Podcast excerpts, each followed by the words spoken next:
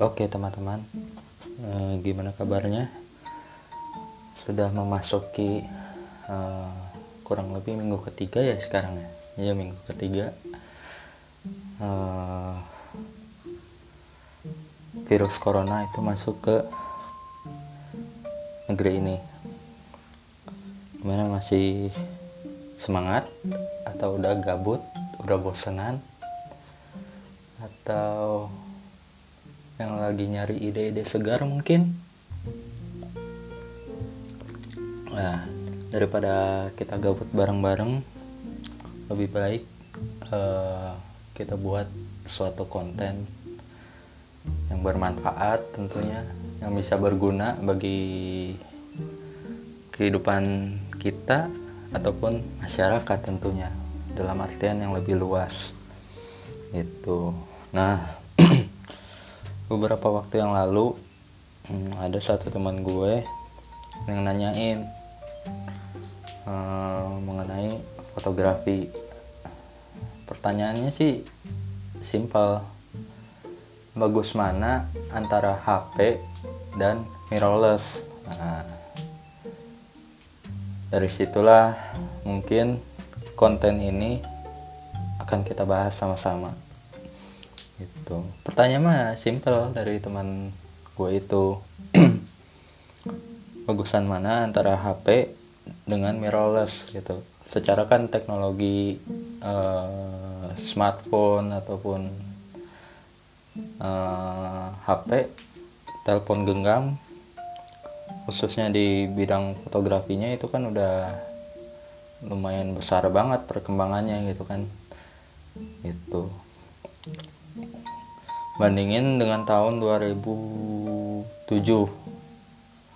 dulu gue punya HP pertama yang ada kameranya itu Sony Ericsson K300i itu kameranya itu cuma sekelas VGA doang. Dan sekarang kan bandingin di tahun 2020 perkembangan fotografi di smartphone itu cukup pesat baik itu dari segi uh, inovasinya terus besar megapikselnya bahkan ada uh, yang namanya itu apa namanya perkembangan HP itu uh, dia itu mempunyai ditanamkan gitu oleh brand brand tertentu itu kemampuan untuk telefoto atau foto dengan jarak yang cukup jauh gitu kan.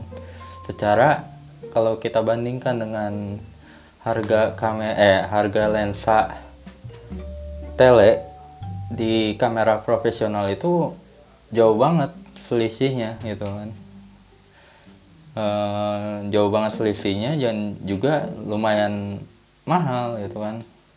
Cuman kita akan bahas di sini satu persatu apa sih e, kekurangan dan kelebihan dari HP atau smartphone ya khususnya di bagian fotografinya. Dan juga mirrorless yang lagi hype yang lagi trend saat ini gitu kan. Gitu. Oke okay, uh, eh, sebelum gue lanjut uh, mungkin gue akan sedikit uh, menyinggung sejarah uh, yang namanya fotografi kan. Fotografi itu kan bermula dari mulai zaman kamera analog gitu kan. Di mana emulsi film itu dipantul eh ditang cahaya ditangkap oleh emulsi film dan menghasilkan sebuah foto. Nah emulsi film inilah yang menjadi kunci foto kita itu e, bisa terang atau bisa gelap gitu kan. Tergantung proses dicuci dicuci itu sendiri si filmnya emulsi filmnya itu nah semakin ke sini semakin ke sini perkembangan kamera pun semakin baik itu baik itu dari segi uh, penyimpanan fotonya yang sekarang udah digital gitu kan. Terus juga kehadiran uh, yang tadinya kita itu memakai sebuah media film roll film 3, 35 mm sekarang itu kan digantikan oleh kehadiran sensor pada kamera.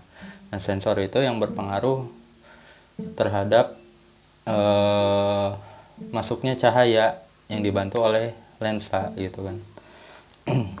Nah seperti itu. Nah ke sini ke sini HP mulai menggempur kan.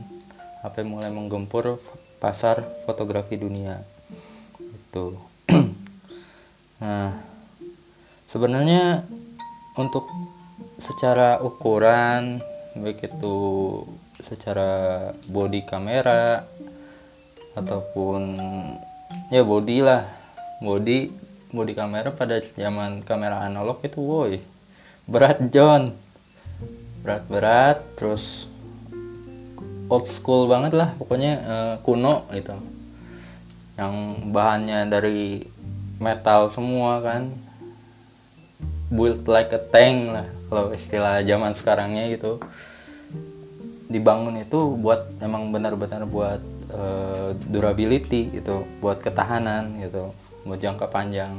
Walaupun ya kamera saat ini juga uh, sudah berkembang dari secara uh, struktur body kameranya itu sendiri itu kamera digital khususnya. Nah dibandingkan dengan body kamera tentu smartphone di sini menang gitu. Menang dalam artian ring lebih uh, ringkas lah secara ukuran lebih bisa disa dikantongin atau disakuin gitu kan.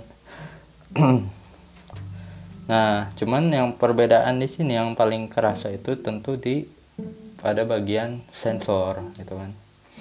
Sensor itu adalah satu elemen penting dalam kamera untuk menangkap seberapa banyak cahaya yang masuk gitu. Jelas untuk sensor di sini men jelas menang kamera kalau menurut gua. Karena semakin besar sensor yang ada di kamera itu semakin baik hasilnya untuk menangkap cahaya gitu. Sementara di HP kan eh, terbatas itu ukuran sensornya gitu. Jelas di sini lebih baik eh, mirrorless kalau secara eh, pengambilan gambar ya gitu.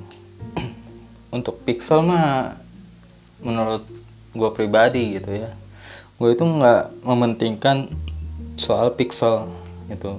Untuk hobi ya kecuali untuk profesional setiap pixel itu ya bermanfaat berguna gitu. Ketika lo ingin mencetak karya lo di banner yang gede atau misalkan baliho ukuran pixel itu berpengaruh berpengaruh terhadap kerapatan gambar atau ketajaman gambar yang kita hasilkan gitu untuk dicetak gitu kan.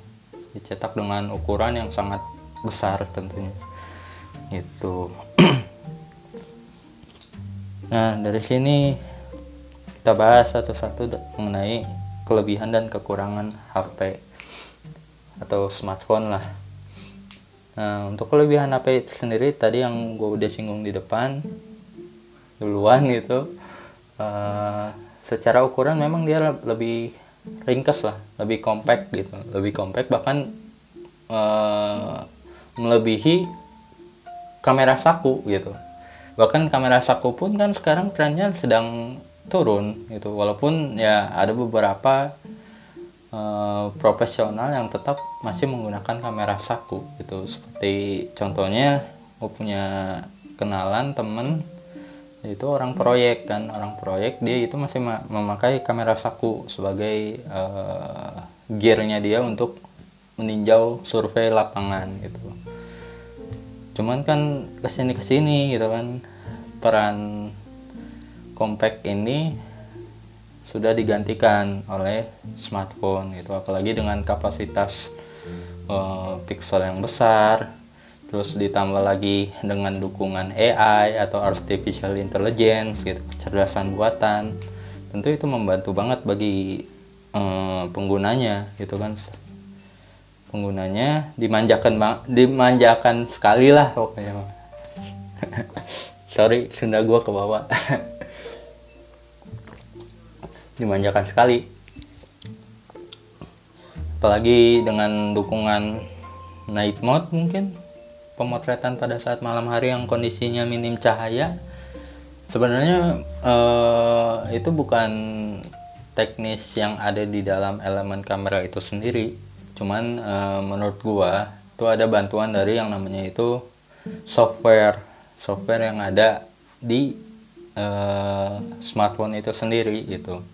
Dan kita bisa bandingin kok uh, side to side hasilnya antara hasil night mode dari smartphone dan juga uh, hasil uh, dari kamera mirrorless gitu. Pasti jauh banget gitu. Sih jauh banget. Cuman ya tadi smartphone itu kan menangnya di compact. Compact dan juga uh, easy to use. Easy to use tuh ketika lo dapet momen yang istilahnya cepat gitu harus di potret ya lo tinggal klik aja kan tombol kamera di HP lo gitu. Lo tinggal jepret beres gitu kan. Nggak seperti kamera mirrorless yang mungkin lo harus nyalain dulu harus tutup lensanya dilepas dulu harus ngefokusin dulu gitu kan. Kalau misalkan fotografi smartphone itu kan kita tinggal touch to focus kan gitu. Walaupun uh, beberapa tipe mirrorless juga udah ada yang fast auto focus bahkan yang sampai 0,02 detik gitu. Sangat cepat sekali gitu. Cuman untuk masalah compact jelas menang smartphone dan juga kepraktisannya gitu.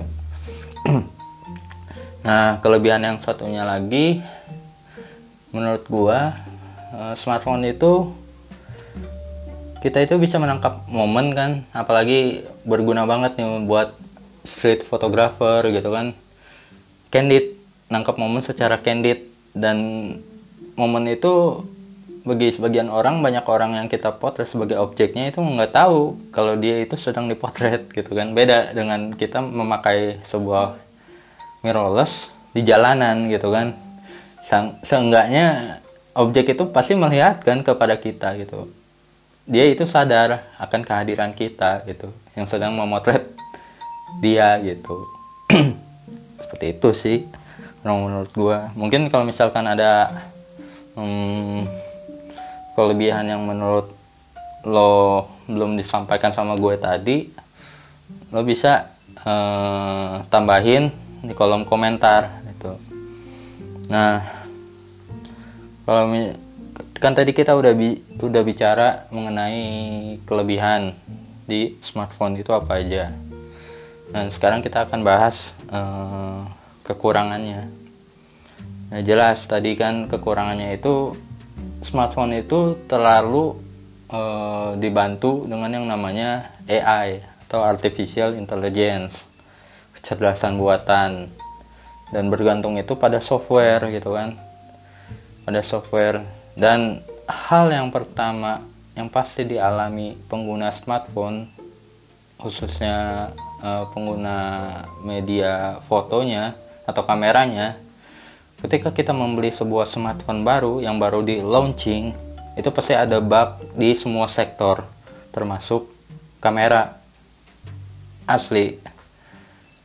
Nah, saran gua itu kalau misalkan beli smartphone anggaplah keluaran terbaru gitu. Minimal ya nunggulah sebulan dua bulan gitu. Sampai softwarenya itu stabil terus dapat update dari uh, pengembangnya atau brandnya itu sendiri yang uh, menawarkan update gitu. Dan insya Allah gitu bakal stabil seiring berjalannya waktu dan adanya update terus gitu kan berkelanjutan. Seperti itu. Nah karena bergantung dengan AI hasilnya pun terlihat kurang natural gitu menurut gua ya. Oke okay lah kalau misalkan hanya untuk uh, sekedar uh, apa namanya happy fun gitu having fun gitu kan uh, lo motret terus lo simpen di memori gitu kan. Terus ketika udah penuh di backup ke hard disk gitu kan. Cuman kalau untuk keperluan profesional itu nggak banget gitu. Karena kan secara uh, esensial ataupun warnanya itu udah nggak buka, bukannya udah nggak jelas ya. Tapi udah ada campur tangan eh, mesin itu mesin yaitu tadi AI artificial intelligence gitu. Jadi kontrasnya terlalu over kadang-kadang kan terus eh, warnanya terlalu vivid gitu kan. Beda dengan kamera mirrorless kan. Kamera mirrorless itu ketika kita mempunyai sebuah kamera kameramu itu ya your camera is your control gitu kan kameramu ada kendalimu kan gitu. Kita yang bisa mengendalikan yaitu tadi si kamera. Karena kita yang full full operator gitu buat si kamera itu sendiri. Dan walaupun di kamera HP udah ada mode manualnya cuman ya tetap aja gitu kan. Kurang serak gitu. Kurang serak uh, feelnya gitu kurang kerasa gitu terus uh, terkait apa lagi ya? Oh terkait beberapa brand smartphone itu kan meluncurkan um, fitur telefoto. Nah jelas di sini telefotonya itu walaupun um, bukan gimmick ya. Gimmick itu dalam artian uh, bukan hanya embel-embel belaka. Oh ini ada telefoto padahal uh, ini ya cuman fitur bawaan standar aja gitu. Cuman namain telefoto enggak. Justru telefoto ini bagi gue sendiri perkembangan yang cukup pesat. Tapi uh, telefoto di smartphone sekarang ini masih terbatas. Akan yang namanya itu zoomingnya itu zooming di sini zooming di sini itu kemampuan zooming untuk secara optical. Optical itu jadi ya kita kayak mempunyai lensa tele aja gitu. Lensa tele yang tanpa crop secara digital gitu. Cuman kan di HP masih terbatas itu karena uh, struktur apa namanya kameranya itu sendiri kan yang sangat kecil tentunya kan. Bahkan kayak di Samsung Galaxy S20 Ultra terus di Huawei P30 Pro itu kan kamera telefotonya itu memakai konsep periskop kamera gitu kan. Jadi kameranya itu dipantulkan gitu. Kameranya itu dipantulkan melalui cermin periskop seperti halnya kita melihat uh, viewfinder optical viewfinder di DSLR gitu kan. Seperti itu konsep kerjanya. Dan juga kemampuan uh, optical zoomnya itu sangat terbatas. Uh, maksimal ya paling 10 lah 10 ya 10 gitu. nah kok bisa sampai jauh gitu ya uh, apa namanya hasil foto yang dihasilkan oleh Samsung S20 Ultra gitu kan?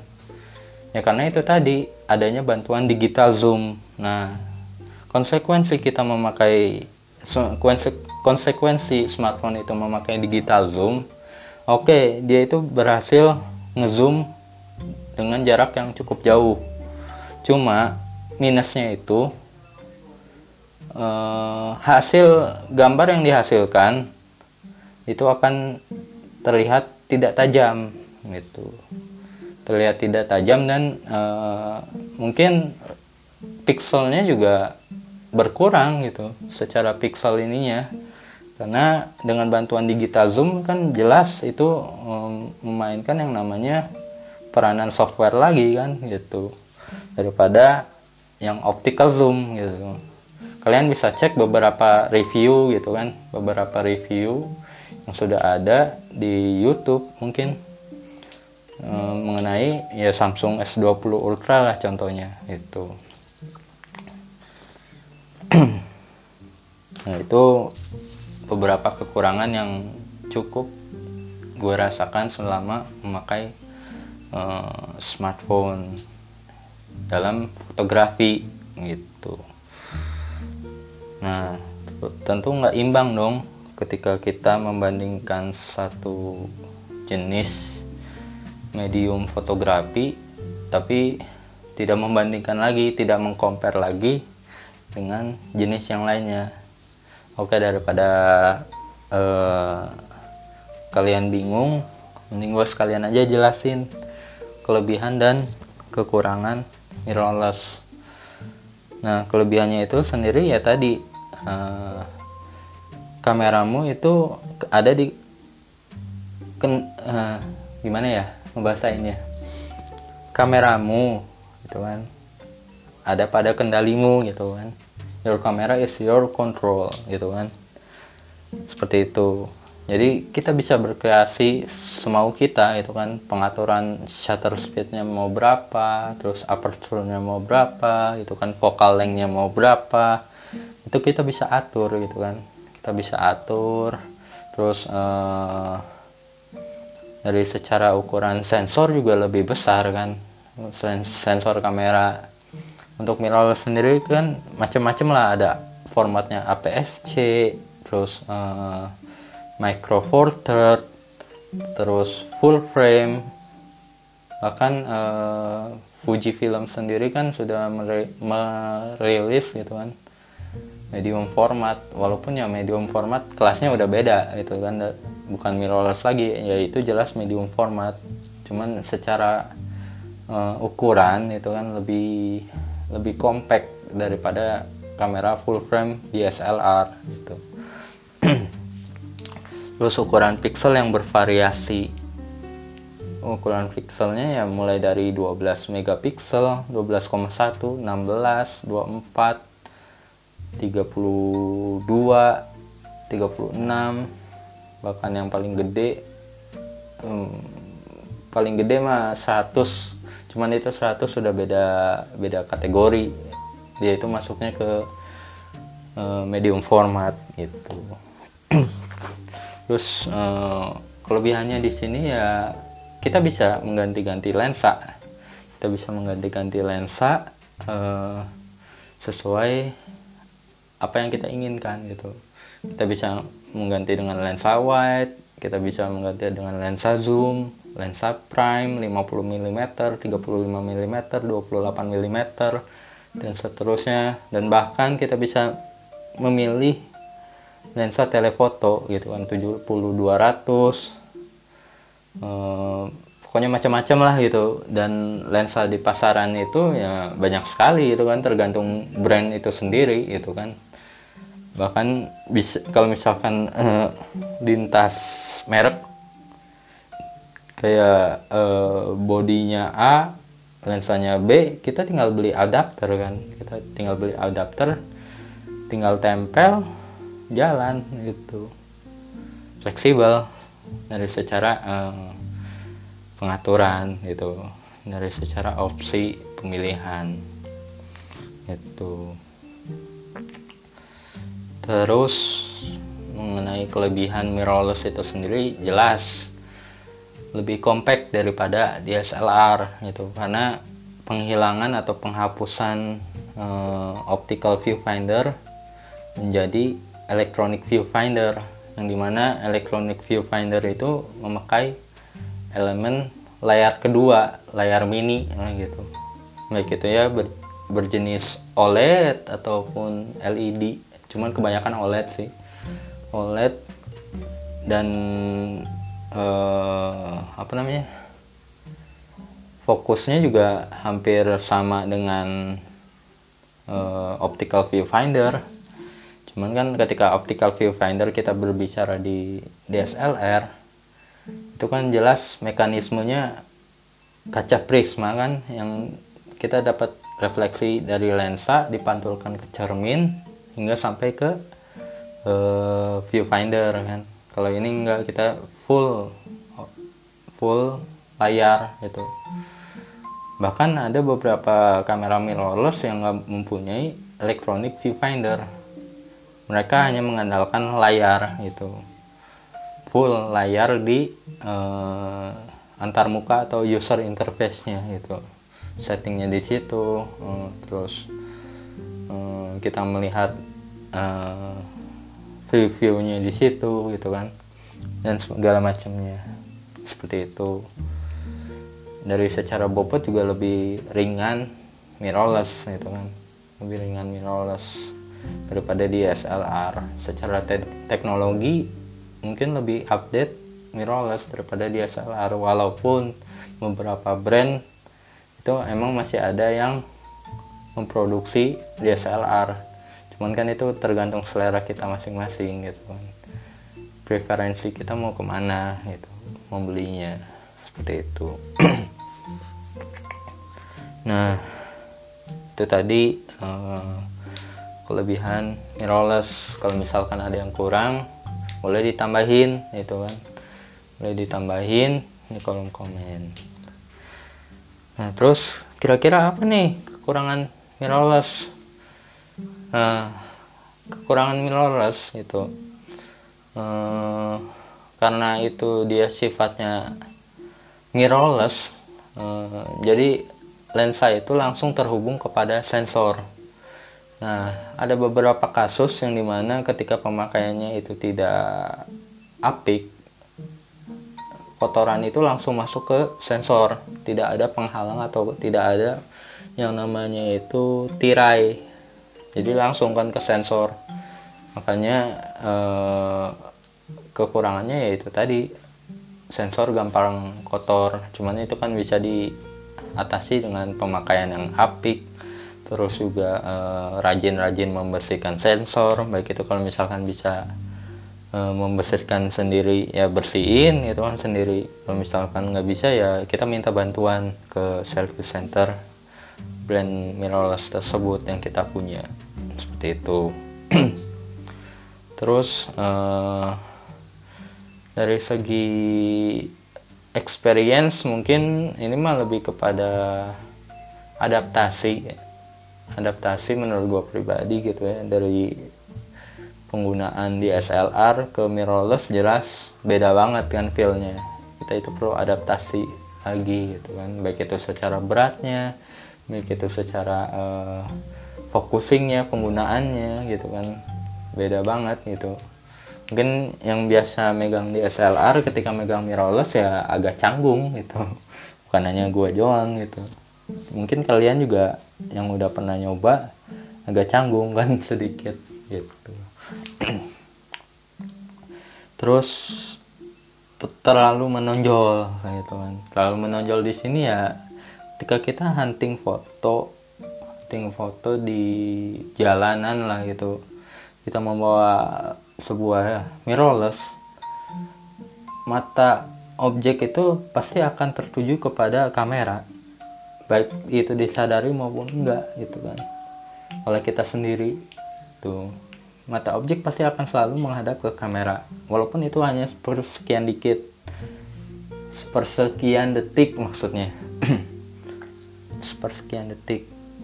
Cuman kan ada gap yang canggung mungkin ketika kita melakukan pendekatan untuk memotret objek itu. Apalagi kan khususnya human interest mungkin atau street photography atau apa lagi ya? Banyaklah yang terkait uh, hubungan manusia dengan manusia interaksi manusia gitu.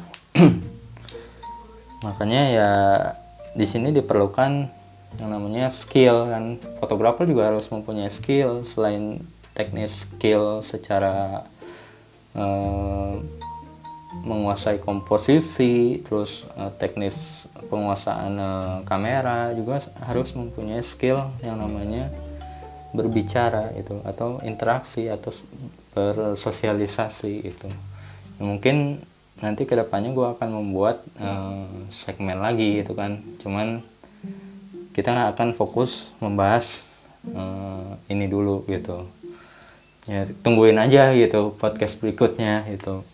Karena sesuai janji gue uh, gue akan membuat uh, podcast ini lebih kepada uh, fotografi. Juga ada beberapa nanti yang berkaitan dengan uh, entrepreneurship juga gitu kan. Nah seperti itu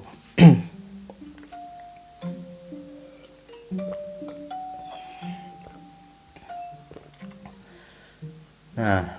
Terus timbullah pertanyaan berikutnya kan. Apakah smartphone sebagai pengganti era dari fotografi?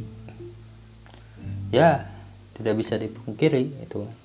Smartphone itu adalah masuk um, fotografi smartphone maksudnya. Fotografi smartphone itu ya masuk kepada era baru dalam dunia fotografi gitu kan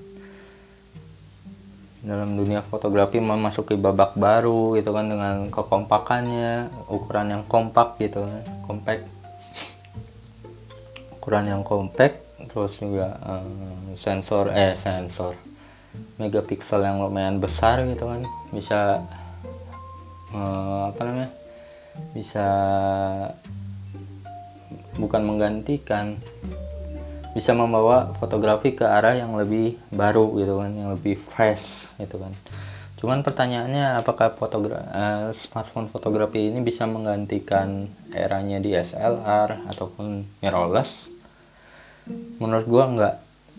Menurut gua enggak. Justru smartphone itu adalah sebagai pelengkap saja. Pelengkap bagi seorang penggiat fotografi atau fotografer gitu kan dalam menjalankan tugasnya gitu kan menurut gue nggak bisa. Eh, DSLR dan mirrorless itu masih superior di fotografi gitu kan. Baik itu secara fungsional baik itu secara uh, estetika dan juga uh, keprofesional itu sendiri gitu kan. Profesional itu sendiri dan nggak bisa uh, smartphone itu menggantikan eranya mirrorless menurut gua saat ini gitu. Nggak tahu ke depannya gitu kan apakah nanti eh, brand-brand kamera akan membuat smartphone juga gitu kan ataupun uh, brand smartphone itu kerjasama dengan brand kamera gitu. Yang ada yang nggak mungkin kan di dunia industri gitu kan. Apalagi industri yang dengan berhubungan dengan teknologi seperti sekarang ini gitu. Itu. Nah kita akan memberikan kesimpulan berarti kan semua produk gitu baik itu smartphone ataupun mirrorless dalam hal fotografi itu mempunyai kelebihan dan kekurangannya masing-masing gitu kan. Di balik itu uh, smartphone itu bisa jadi pelengkap kan. Bisa jadi pelengkap sebagai alat peran kita gitu kan sebagai penggiat fotografi atau fotografer gitu kan. Karena terbantu sekali ketika kita ketika misalkan kita mengambil sebuah gambar yang mungkin itu mempunyai nilai sejarah yang sangat tinggi gitu kan. Sementara uh, kita harus membuka dulu uh, tas kamera memasang dulu lensa itu kan. Terus uh, menekan shutter menentukan shutter speed fokus itu kan. Sementara hal itu bisa kita minimalisir dengan penggunaan smartphone. Cuma saja balik lagi. Smartphone itu hanya menjadi pelengkap bagi kita gitu kan. Pelengkap easy to use lah lebih tepatnya smartphone itu. Dan mungkin untuk beberapa eh, fotografer pemula atau yang baru belajar fotografi smartphone itu ya lumayan berguna pada saat ini gitu kan. Sebelum naik level ke tingkat mirrorless atau DSLR yang entry level tentunya itu. Untuk mengatur komposisi tentunya kan. Framing itu sangat berguna sekali kan menggunakan smartphone gitu kan. Terus juga meminimalisir uh, kerusakan mungkin yang ada ketika nanti kita ada kesalahan uh, pada saat pemotretan kan gitu khususnya fotografer pemula. Ya kita mending memakai smartphone aja dulu sebagai medium kita untuk berinteraksi memotret hal-hal yang ada di sekitar kita itu ya nggak kerasa ya. Udah hampir setengah jam kita ngobrol. Ya mungkin itu aja sih yang bisa uh, gue sampein gitu. Uh, kalau misalkan ada kekurangan ya kita bisa diskusi gitu kan. Bisa DM gue di Instagram at rsn CHIA sekali lagi di Instagram at rsn CHIA kita bisa berdiskusi bisa menanyakan hal-hal yang terkait dengan fotografi itu kan. Kalau misalkan kalian perlu bantuan mengenai uh, fotografi ya gue akan bantu sebisa gue gitu dan sepaham gue gitu. gue nggak bisa ngebantu banyak gitu. Semoga ke depannya uh, fotografi ini yang menjadi era yang semakin menarik gitu untuk digemari untuk dijadikan profesi mungkin ke depannya profesional di bidangnya gitu kan. Seperti itu.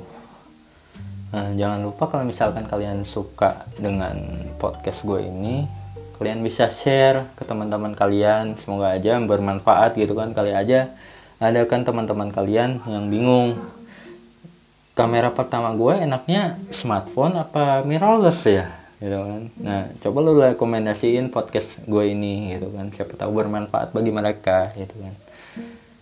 Ya gitu aja sih uh, udah setengah jam lebih gitu kan. Mungkin gue ke depannya akan bahas tema-tema yang lebih menarik lagi yang terkait fotografi dan juga entrepreneurship hmm, ya mohon maaf kalau misalkan ada kesalahan tadi dalam penyampaian mungkin Oke, gue pamit. Dadah.